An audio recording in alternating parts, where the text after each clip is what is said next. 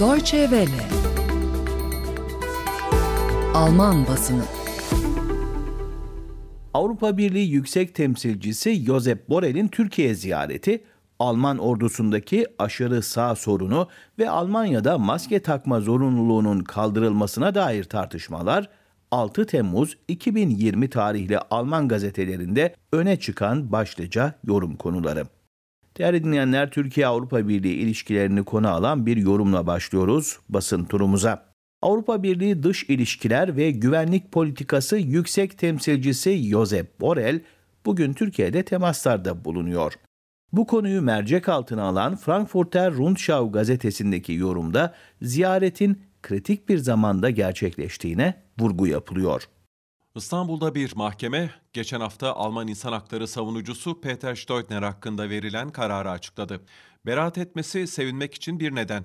Ancak yargıçlar 4 sanığı terörü destekledikleri iddiasıyla cezaevine gönderdi. Avrupa Birliği Yüksek Temsilcisi Josef Borrell'in bu pazartesi günkü ziyareti sadece bu kararın gölgesinde gerçekleşmiyor. Cumhurbaşkanı Erdoğan bölgede radikal İslami grupları destekliyor.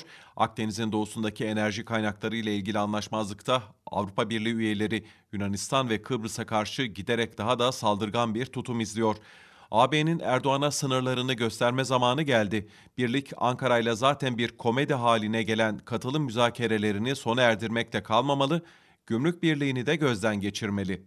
Sıradaki yorumumuz önümüzdeki Kasım ayında Amerika Birleşik Devletleri'nde yapılacak olan başkanlık seçimlerine dair sayın dinleyiciler, konuyu irdeleyen Rhein-Neckar Zeitung'da şu satırları okuyoruz. Biden seçimleri kazanırsa Ocak'ta gerçekten bir güç değişimi olacak mı? Trump halihazırda seçimi kaybetmesi halinde bu sonucu kabulleneceğini açıkladı. Ama şüpheler var. Aniden İran'a karşı olası bir savaşa girme şüphesi söz konusu. Korona acil durumunun Kasım'da yapılacak seçime engel olup olmayacağı şüphesi de var. Mevcut başkan bir acil durum ilan eder mi? Trump'ın şimdiye dek ortaya koyduğu tek icraat iktidar hevesi oldu. İşte tam da bu özelliği göz ardı edilmemeli. Basın turumuzda şimdiki durağımız Almanya. Badische Zeitung'taki yorumda Almanya'da ordu mensupları arasında artan aşırı sağcı eğilimlerin askerlik hizmetinin zorunlu olmaktan çıkarılmasıyla ilgili olup olmadığı sorgulanıyor. Zorunlu askerliğin kaldırılmasından 9 yıl sonra bu kararın sonuçlarını özellikle de artık görmezden gelinemeyecek boyuttaki yan etkilerini gözden geçirmenin zamanı geldi. Ama bu şu anda gündemde olan ordu içindeki aşırı sağcılık tartışmalarıyla sınırlandırılmamalı. Askerlik hizmetiyle birlikte sivil kamu hizmetinin kaldırılarak toplumsal işlevi olan ve toplumu bir arada tutan bir kurumun sonlandırılması, öneminin yeterince anlaşılmamış olması da mühim. Zorunlu askerlik hizmetinin kaldırılması, devletin haklar ve görevleri gözeten vatandaşlar topluluğu olarak değil, her türlü hizmeti sağlayan bir hizmet sağlayıcısı olarak görülmesine neden olmuştur. Zorunlu hizmet bu ilişkiyi yeniden düzenlemede yardımcı olabilir. Değerli dinleyenler, koronavirüs pandemisi farklı boyutlarıyla basında geniş şekilde ele alınmaya devam ediliyor. Son yorumumuzu bu konuya ayırdık ve Neue Osnabrücker Zeitung'dan bir alıntı yapacağız. Gazetenin yorumunda koronavirüsle mücadele önlemleri kapsamında maske takma zorunluluğunun kaldırılması tartışmalarına değiniliyor.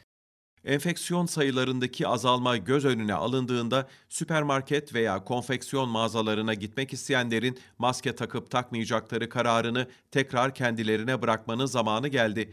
Bu yeni özgürlükten elbette alışveriş sırasında maske takmayı gerektirecek bir durumun ortaya çıkması halinde vazgeçilmeye hazır olunmalıdır maskesiz alışveriş yapmak ticareti yeniden çekici kılar ve satışların artması için umut olabilir ve belki de hala önemli olan mesafe kuralı konusunda bilinç daha da artar.